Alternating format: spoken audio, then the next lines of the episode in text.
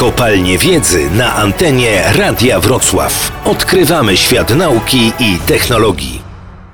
Adam Bugajczuk, wiceprezes zarządu do spraw rozwoju KGHM Polska Miedź S.A. Prowadzimy badania i już pierwsze symptomy są takie, że miedź jest znakomitym materiałem biobójczym, więc zastosowanie go na choćby klamkach, poręczach w bardzo duży sposób ogranicza przenoszenie się i żywotność przede wszystkim wirusa, ograniczając go nawet do kilku minut w niektórych miejscach, więc jest bardzo duży potencjał na to, aby stosując w dużych skupiskach komunikacyjnych, czy w autobusach, jeśli chodzi o poręcze, czy o poręcze w szkołach, czy o klamki w różnego rodzaju urzędach, szpitalach, możemy wyeliminować przechowywanie się wirusów. Marek Ścieżka, wiceprezes do spraw lecznictwa Miedziowego Centrum Zdrowia.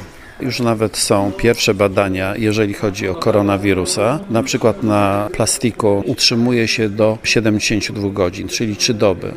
Jeżeli chodzi o miedź bakteriobójczą, to jest 4-6 godzin.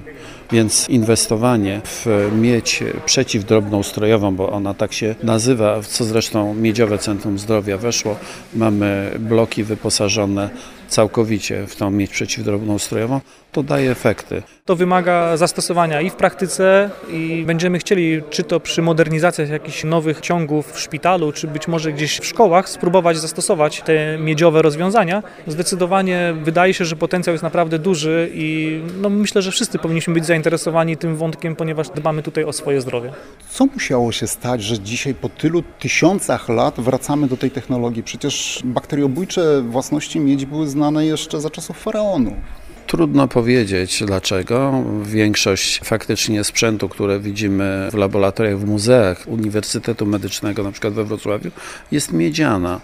Później zachłysnęliśmy się plastikiem. Być może to o to chodzi, ale warto wracać do korzeni. Są dwa rozwiązania, czyli możemy powłoką drobną, miedziową powlekać te wszystkie powierzchnie, czy tam proszkowo psikać, albo możemy też zastosować w 100% miedziowe stopy. Oczywiście na pewno dużo trwalszym rozwiązaniem jest 100% miedzi, bo na pewno te warstwy będą się wycierać, więc e, siłą rzeczy trzeba będzie je co jakiś czas odnawiać. Oczywiście w tej chwili rozmawiałem nawet wczoraj z dyrektorem Huty Legnica na temat, jaki stop zrobić, żeby miał powyżej 70% i nie dochodziło do śniedzenia, bo one śniedzieją, więc później pacjenci się martwią, że może są niedomyte, brudne, tak po prostu mieć wygląda.